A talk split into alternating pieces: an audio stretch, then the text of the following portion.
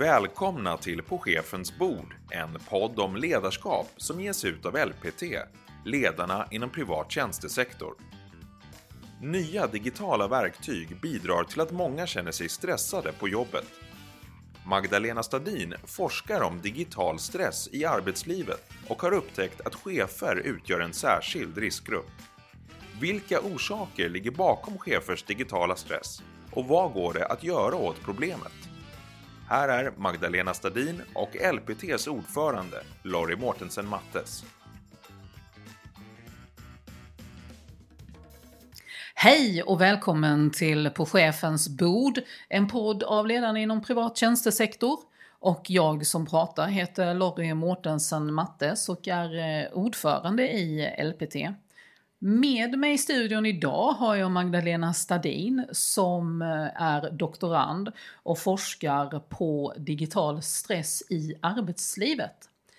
Välkommen Magdalena! Tack så jättemycket! Vi presenterade, och vi menar jag då LPT, presenterade en rapport i samband med eh, Almedalsveckan. Och vi höll även en panel, ett seminarium där, där du ingick i panelen. Och vi tyckte ju att du var en given eh, eh paneldeltagare med din, eh, med din kunskap eh, inom det här området som handlar om digital stress. Vad är det du forskar på? Eh, alltså jag tittar ju på först och främst arbetsrelaterad stress eh, bland olika arbetstagare och när jag började forskarutbildningen för några år sedan så tittade jag, mm, ja, började jag intressera mig för digital stress för jag såg att det var inte så beforskat som jag hade tänkt mig om man säger så. Och så var jag intresserad av ja, vilka är exponerade. Och då hade jag först sett att det var personer med hög socioekonomisk eh, position. Så tänkte jag vilka är det? Så då har jag data där jag tittat på olika yrkesgrupper och där sticker chefer ut markant eh, som riskgrupp då för den här typen av exponering. Och det handlar ju då mycket om att de får extrema mängder mejl, att förväntas vara uppkopplade hela tiden. Ja, olika sådana saker som gör att de känner sig stressade. I samband med vår eh, rapport så eh, gjorde vi en enkätundersökning bland våra medlemmar. Och eh, det var över 1700 personer som svarade. Ett sånt gensvar har vi nog aldrig eh, fått så snabbt. Man svarade väldigt snabbt. Och eh, där såg vi just det du pratar om, att man är stressade. Bland annat på grund av eh, mejlhanteringen, att man får väldigt mycket mejl. Eh, och nio av tio chefer jobbar ju på sin semester. Och det tror jag inte att alla tänker på. Är det någonting som du har märkt i din forskning? Ja, alltså det är ju väldigt många som eh, uppger att de arbetar utanför arbetstid, alltså både för att eh, eh de vill, eller hur man ska uttrycka att de vill ha ryggen fri inför nästa dag och så vidare. Andra känner att de måste vara tillgängliga eller att, ja, att den administrativa bördan är helt enkelt så hög att de behöver svara på mejl och så efter arbetstid. Jag tänker så här, många gånger så vill människor ha omedelbar bekräftelse. Eh, med det menar jag att man förväntar sig att man svarar på mail med en gång. Även om det finns en autoreplay, att man är på semester eller att man är ledig. Eller att man pratar in på sin telefon att man är ledig. Ändå vill man ha eh, omedelbar bekräftelse. Och jag läste eh, på LinkedIn en person som hade gjort en uppdatering där media hade försökt få tag på honom med anledning av just den här rapporten. Och det var rätt intressant. Han, när han svarar så befinner han sig på en golfbana. Eh, för ett antal år sedan så var det en big no-no att ha en telefon med sig på en eh, golfbana. Och eh, man tog inte heller med sig en bakelittelefonen till en golfbana. Eh, och det jag tänker är ju, vad är det i samhället som gör att vi alltid ska vara tillgängliga? Det är en filosofisk fråga tänker jag. Eh, och det gör ju någonting med oss, tänker jag, när man alltid ska vara tillgänglig. Vad har du sett i din forskning? Alltså det som är, eller som är i forskningsläget överhuvudtaget är att om du alltid är tillgänglig för jobb och så vidare så får du kanske inte den eh, återhämtning du behöver. Och får du inte den återhämtning du behöver så kommer det i längden tära på immunförsvaret vilket kan leda till ohälsa och stressrelaterade sjukdomar. Eh, sen är det väl lite sådär att jo, alltså när man kan vara tillgänglig så kan man också förväntas vara tillgänglig. Eh, och en annan aspekt, det är det här fear of missing out, att vissa de kan inte, de är så rädda att de ska missa någonting, så man kan inte låta bli att gå in på mejlen fastän man kanske borde fokusera på att slå sin golfboll eller vad det kan vara. Så att det är både och där. En annan aspekt är ju att visst, många eh, arbetar på fritiden, men det är samtidigt väldigt många som gör fritidsrelaterade saker på sitt jobb, exempelvis eh, jag går in på Facebook eller eh, sociala medier som inte är direkt kopplade till jobbet eller eh, kollar på någon Blocket-annons eller någonting sånt. Så det är där man pratar om det interagerade arbetslivet. Så. Tror du att man gör lika mycket privata saker på sin arbetstid som man jobbar på sin fritid? Eh, nu kommer jag inte ihåg de exakta siffrorna men jag vet att Internetstiftelsen har någon sån rapport att alltså inte, det är inte lika mycket men att båda sker ju i princip dagligen så. Är det en, eh, jag tänker så här, jag är ju en av nio av tio som, som går in och läser mail, precis som du säger. Mm. Eh, och det gör jag för att eh, jag känner mig mer stressad om jag inte gör det. För då Just vet det. jag att när jag kommer tillbaka efter min semester så har jag massor av mail. Mm. Men jag sorterar också att det här behöver jag inte svara på. Mm. Och så lägger jag det som oläst igen fast att jag har läst det. Men då känner jag mig lite mer förberedd. Eh, på något sätt så blir det lite en livsstil också. Just Men det. där jag ser kanske att eh, det finns en eh, hårfin gräns mellan eh, att alltid vara tillgänglig och inte veta när du ska backa tillbaka hem och göra dig mm.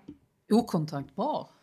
Just det. Jag tror att eh, det viktiga här är att man har en struktur över sin mejlhantering och om man då känner att jag har mer kontroll och struktur, om jag då avsätter en timme på kvällen och svarar på mejl så är det helt okej. Okay. Bara du har, får någon återhämtning under dagen. Jag tror att eh, det värsta är, det, det är om du har, försöker svara på saker hela tiden och du känner att du inte har någon eh, kontroll över hur du hanterar din tillgänglighet och din e-post. Det där känner jag igen, det sista du säger. Ja eh, där jag ser just hur man hanterar mail. Eh, jag brukar göra en liknelse som brukar bli en aha-upplevelse. Det är ju att när du jobbar med mail så förväntas du hela tiden att eh, läsa mailen. Mm. Helst med en gång när de kommer. Eh, det finns en lite mailmarodörer som jag brukar säga som inte har respekt för att du faktiskt inte kan läsa mailen direkt hela tiden. Utan eh, du kanske sitter på ett möte du eh, gör andra saker som du måste göra och då mm. blir det ju väldigt stressande om det rasar in mail, mm. eh, personer ringer och talar om jag har skickat mail till dig mm. eller tar kontakt på sociala medier, jag har skickat ett mail till dig eller till och med går in i rummet på ens rum, arbetsrum och säger jag har skickat mail till dig. Ja, var det länge sedan? Nej, jag gjorde det för några minuter sedan. Eh, och då blir det ju en eh, stress för att du förväntas och till slut mm. så sitter du bara och svarar på mail och läser mail. Mm. Och då brukar jag säga så här, när vi hade det gamla sättet, när vi skrev brev och skickade mm. brev, förväntade vi oss då att vi skulle läsa brev konstant och att vi skulle svara konstant. Nej, det gjorde vi såklart inte, för det fanns ju en fördröjning i att du svarade, skickade brevet Mm. Eh, du la det på posten och hela den här. Det tog ju lite tid. Eh, nu gillar jag den digitala världen. Jag älskar den digitala världen, skulle inte vilja vara utan den. Jag ser att vi kan eh, jag kan plugga på distans utan att vara på plats vilket mm. underlättar. Jag kan tillsammans med mina studiekompisar också plugga och göra en uppsats bara, bara, det, bara att vi är, använder Facetime eller något annat verktyg och eh, går in i Google Documents och skriver. Alla kan skriva samtidigt. Det gör ju någonting eh, med, eh, med att man slipper den här stressen att du ska ta dig till och från skolor hela tiden. Eh, du kan sitta hem, hemma lugn och ro. Men det återstår ju frågan varför beter vi oss som vi gör när det gäller mejlhantering till exempel eller telefonvett som jag brukar säga. Så jag tror att det är en del av eh, den nuvarande kulturen att vi är så vana vid att få svar snabbt. Och sen så tänker jag så här att du som chef, den som är anställd kanske inte förstår hur, hur många som försöker nå dig som chef. Utan de, de ser ju sitt perspektiv och de kanske inte får så många mejl. De tänker inte att men, som chefen blir det som en nod att alla vill nå dig. Eh, och jag tror att det är väldigt viktigt i det sammanhanget att man Eh, försöker upprätta någon sorts policy eller e-postkultur när man diskuterar sådana här saker och vad, vad är rimlig tid att förvänta sig och hur liksom eh, ja, en kultur kring det och ämnesrad och så vidare och även ton i mejl. Eh, det var någon eh, eller ett par intervju, eh, chefer jag intervjuat och de säger att vissa anställda att det är väldigt lätt att de misstolkar. Om de försöker svara på mejl snabbt så är de korta och koncisa. Eh, då har ibland anställda uppfattat det som att de är eh, irriterade eller korta, alltså att de är liksom lite aggressiva och det är inte alls meningen och så, så att det kan bli väldigt mycket missförstånd just om man inte försöker diskutera de här frågorna på sin arbetsplats. Är det så att vi kanske istället för att skicka vissa mejl ska gå in till varandra och ha ett samtal? Eller ringa till varandra, för det är ju inte alltid man sitter i samma hus. Man kan sitta i olika delar av Sverige, man kan eh, sitta i olika delar av en lokal eller på flera utspridda helt enkelt. Eller till och med en annan världsdel. Jag tror att det kan vara bra att man diskuterar hur man vill ha det, för det är svårt att säga. Det är kanske någon som blir stressad av att ja, men jag, jag har sett den här tiden på morgonen för att svara på mejl. Då vill inte jag att folk ringer mig när jag är uppe i andra saker. För när man hela tiden blir eh, distraherad eller störd i vad man gör så kommer ju, det kommer ju påverka koncentrationen med vad man jobbar med. Och då tar det ju sedan 20 minuter innan man är tillbaka på samma bana igen så det blir ju jätte, vad ska man säga, hattigt eller ryckigt arbetsdag om man jobbar så. Så jag tror att det, det är något man får diskutera och sen liksom avsätta tid för kommunikation tror jag är bra. Och strukturera, är det ett tips att strukturera dagen på ett lite bättre sätt? Ja, alltså då tänker jag också att man strukturerar utifrån vad man själv önskar så. Eh, det är inte sådär givet att svara på mejlen tre gånger per dag är det bästa utan det får man liksom lite känna själv vad man tycker är bra. Vissa säger sådär att ja men det, det är så jättebra att jag pendlar till jobbet för då har jag alltid den här halvtimmen då jag faktiskt hinner svara på mejl och så för att ha ryggen fri. Så att, ja, det, kan vara, det kan se olika ut, absolut. Ja, och det är en intressant sak du säger där. För en del blir ju oerhört stressade av att man eh, ska svara på mejl när man reser eller på kvällen eller så.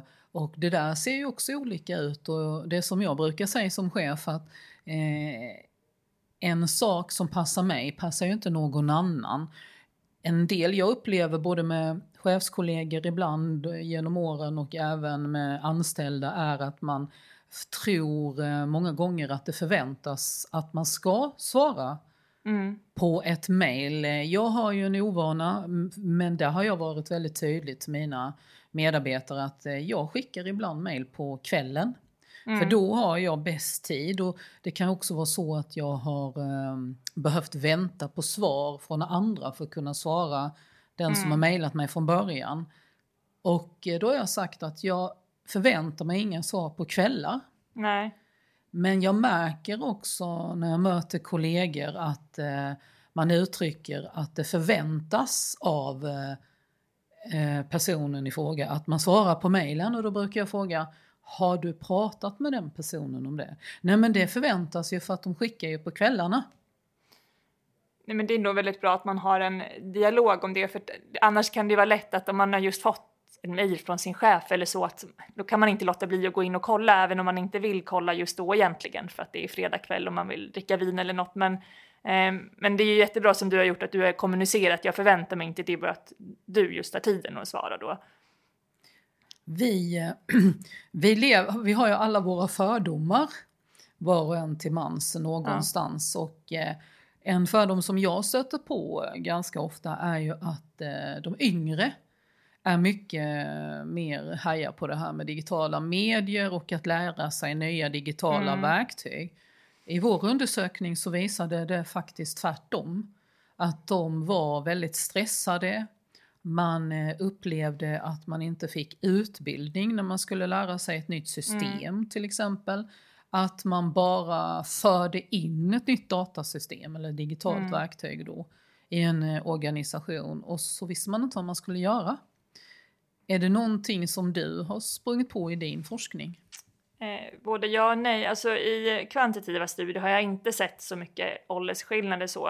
Eh, sen om man tittar på alltså, yngre personer så brukar de de brukar ofta tycka att fler system är mer logiska än vissa äldre generationer, men samtidigt de som har en eh, gedigen eller lång erfarenhet som chef kan ta saker mer med ro eller delegera saker. Så att, eh, sen så kan jag tänka mig så här också att eh, yngre personer som inte har bildat familj och så, de har ju också, vad ska man säga, tiden att jobba mer så. Och man kan känna att man känner pressen och eh, visa framfötterna och hela den biten, att man inte kanske lika lugn i sin arbetsroll. Så det kan vara en bidragande orsak, men det, det, är lite spekulation från min sida. Vi eh, upptäckte också i den här undersökningen en annan sak som eh, var rätt intressant och det var ju att kvinnorna som eh, svarade på den här undersökningen faktiskt inte var mest stressade av livspusslet som många tror.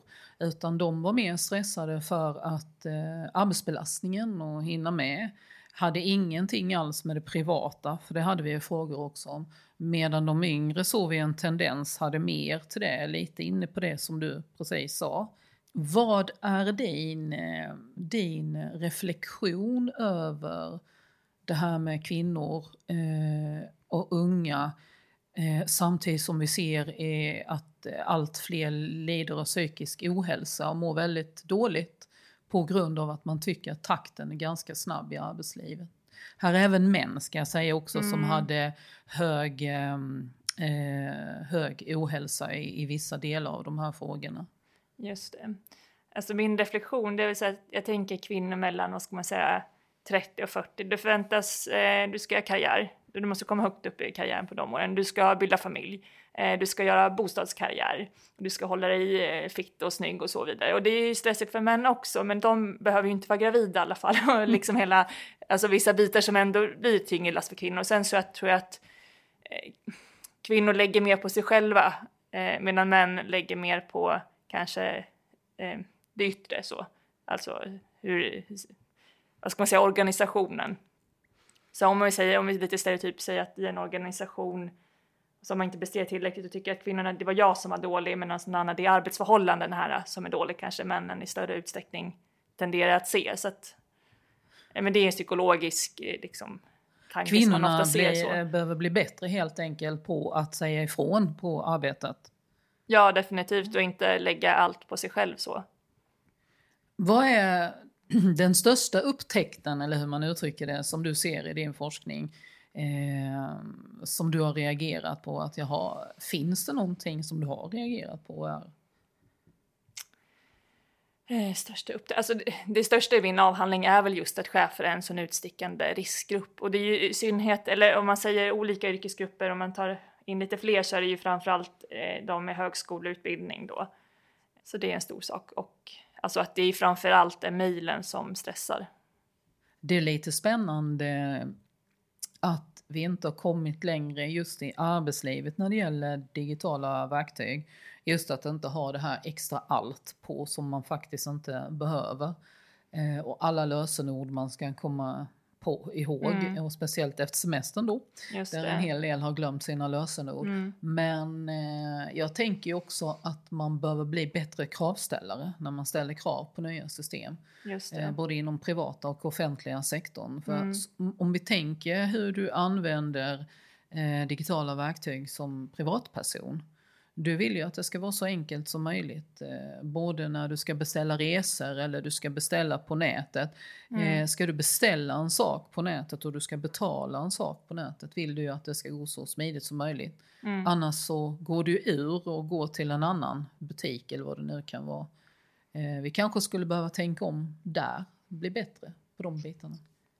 Ja, och som jag tänker också att, att man inte använder mer program än man behöver. Som det var ja, några chefer jag har intervjuat så har de de har så kallade resfria möten och så har de videomöten så. Och så använder de tre olika program. Det finns ju ingen anledning, det är ju bara att man bestämmer sig för ett. Och så, alltså det, ibland så finns det ganska enkla lösningar.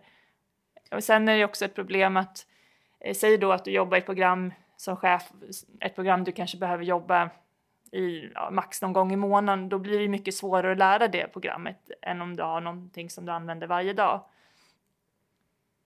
Och eh, också att man har ett klimat, tänker jag, där man som Ja. chef vågar säga att jag förstår inte, jag kan inte det här, men även medarbetare, för det upplever jag ibland att eh, man vågar inte berätta att jag kan inte, jag förstår inte efter eh, bara fått en manual, vilket man Mm. ofta får. Man får en manual som dessutom ofta är fel i också, står fel eh, ordning och eh, man har hoppat över vissa steg som gör att den som ska läsa manualen och försöka lära sig systemet inte hanterar systemet. Ehm, Att man blir tydligare med att det faktiskt är okej att våga säga att jag inte kan. Jag upplever ibland att det är lite prestige och att när någon vågar som chef eller Mm. medarbetare säga att jag kan inte det här, då först vågar andra säga. Och det blir ju också en stress i sig att man, Mm. man inte är öppen eh, och kanske fler borde göra lite mer digital revolt på sina arbeten så att man får bättre struktur. Just det, men det där känner jag också igen just att det är oftast en manual och så. Så sen eh, säger många att nej men när ska jag ha tid att gå igenom Visst, hade jag gått igenom den där manualen grundligt och verkligen tittat och haft den här lathunden framför mig, då hade det kanske gått bättre, men jag har inte den tiden. Utan det får bli lite som det blir och så tar jag med mig den där lathunden och har bredvid och så hänger sig eh, systemet igen när vi ska ha det här videomötet. Varför har vi inte tid tror du? Ja, alltså som chefer så tänker jag att det är ju just det här med administrativa, det är tillgängligheten att, alltså att många säger ju att ja, men hade jag fått en person en tjänst på kanske 50% som gör mitt administrativa så hade jag haft en mer rimlig arbetssituation just nu. Så jag tänker att en lösning skulle kunna vara att mycket, ja, vissa av de här arbetsuppgifterna skulle kunna delegeras till en annan person som har det som eh, huvudfokus. Mailhantering och så vidare. Och där tror jag också det finns eh, både generationsskillnad men även, och nu slänger jag mig rakt ut här Ja. i, i, i det blå kanske, eh, men jag tänker också att eh, många gånger upplever jag i de yrken jag har haft så är män duktiga på att ställa krav på att ha en eh, assistent eller en sekreterare. Där jag upplever att kvinnor vill göra det själv för det förvä- man ska göra det här själv. Hur tänker du? Är det någonting du har märkt i din forskning? Eh, Inte specifikt i min forskning, men det är en eh, tendens jag känner igen, absolut. Att män tar för sig mer och kvinnor är liksom, ska vara duktiga flickor och så. Ja. Vi duktiga flickor ska lära oss mer av männen helt enkelt. Det, det låter bra. Och eh, jag tycker det är bra för att eh, jag tror med att vi behöver fler assistenter för de Mm. gör ett fantastiskt jobb. Och eh, åter med sekreteraren där Mm. man kan avlasta. Därför att du glömmer ju en del eh, i ditt chefsjobb. Ett, chefsjobb är ju väldigt komplex. Mm. Många undrar ju vad gör en chef? Jag ser ju det Mm. på kommentarer som kommer på Facebook. Bland annat eh, när vi har lagt ut eh, på sociala medier. Då kommer Mm. det kommentarer från personer. Men vadå chefen gör ju ingenting ändå. Att hade ni varit arbetare minsann. Eh, där man på något sätt glömmer att chefen faktiskt också är en arbetare men en annan typ av arbetare. Ja, precis. Man jobbar ju, man är tjänsteman, man jobbar ju, man gör ju budget, man ska Mm. ha personalansvar, man har alla lagar och regler som man ska följa och eh, vi glömmer det lite alla till mans ibland. Ja, men så kan det nog vara. Eh, Och sen vad jag tänkte, just den här administratören, administratören alltså i framtiden, det skulle ju kunna också vara som sagt AI, som eller, alltså, om man inte har alltså, om man inte har resurser att anställa en verklig person så. Ser du i, din, eh, i den här undersökningen som du har gjort något som sticker ut när det gäller stress i, i olika verksamheter eller organisationer när det gäller de digitala systemen? Vad är det som gör att man blir stressad förutom att man har många system att hantera? Just det, och det jag har sett, de som sticker ut allra mest, det är ju chefer just i hälso och sjukvården och då kan man undra varför just eh, den här organisationen. Eh, och jag tror att det också ibland kan vara att det, till exempel eh, om man exempelvis jobbar på ett labb och så har man krav att man ska eh, ge ett svar om 30 minuter för att det är en patient som ligger på intensiven eller på akuten som är jättesjuk och så blir det datahaveri. Eh, då kan det ju bli en fråga om liv och död så att säga. Och det tror jag att det kan, det är helt andra digniteter de spelar med att eventuellt produktionen går ner eller att någon blir frustrerad för att man sitter i ett Skype-möte i New York eller vad som helst. Det är intressant det du säger, eh, för jag tänker då genast på flera olika aspekter. Eh, en aspekt är att jag vet i offentlig verksamhet, även kommuner, jag vet även i privata verksamheter, de blir också stressade. Men där har det att göra med att de vill uppfylla en servicegrad Mm. Eh, och de kan, där kan man bli väldigt stressad för att man inte har svarat i telefonen på ett visst antal minuter eller timmar eller på ett mail på ett eller två dagar. Mm. Eh, och man blir oerhört stressad. Men den aspekten som du ger, där är det verkligen en, en ett föremål för stress. Samtidigt så tänker jag på en annan grej som är viktig eh, som jag tror att vi missar i hälso och sjukvård men även i andra delar. Vi glömmer ju hur vi gör eh, det här hantverket eh, som vi gjorde innan vi hade mm. datorer. Eh, och eh, där har mitt tips många gånger, för jag har också varit inne i offentlig sektor, vård, mm, hälsovård, mm. att man också behöver ha en nödlösning som inte är en backup kanske, utan en lösning där vi kan göra saker på gamla viset. Kan vi mm. se kan vi se ett sånt provsvar även på, ett, på det gamla sättet utan datorerna? Och där känner jag att vi glömmer bort att all, alla rutiner är med, mm. med datorer. Och så glömmer man, vad gör jag om detta händer? Alltså, eh, de, på de flesta sjukvårdsinrättningar så har de en sån eh, backup-system. Det är bara det att ha ett sån här datahaveri hänt som lyckligtvis inte händer jätteofta så tar det ett tag mm. för då har du ju dubbel arbetsbörda några dagar efter det. Ja, du ska jobba i kapp. Ja, det är ju mm. det. Om du ska ge mm. våra lyssnare tre tips, vad skulle du vilja ge dem då? Och då är lyssnarna chefer. Ja. Mm. Och även medarbetare. Kanske. Ja, och medarbetare. Eh, tänk på att chefen också är en människa. Eh, sätt en struktur kring din... Tre bara. Ah, okay. eh, då skulle jag säga struktur eh, kring e-posthantering. Diskutera e-posthanteringen och eh, våga logga ut. Tack så hemskt mycket. Ja, tack. Jättekul att komma hit. Magdalena Stadin.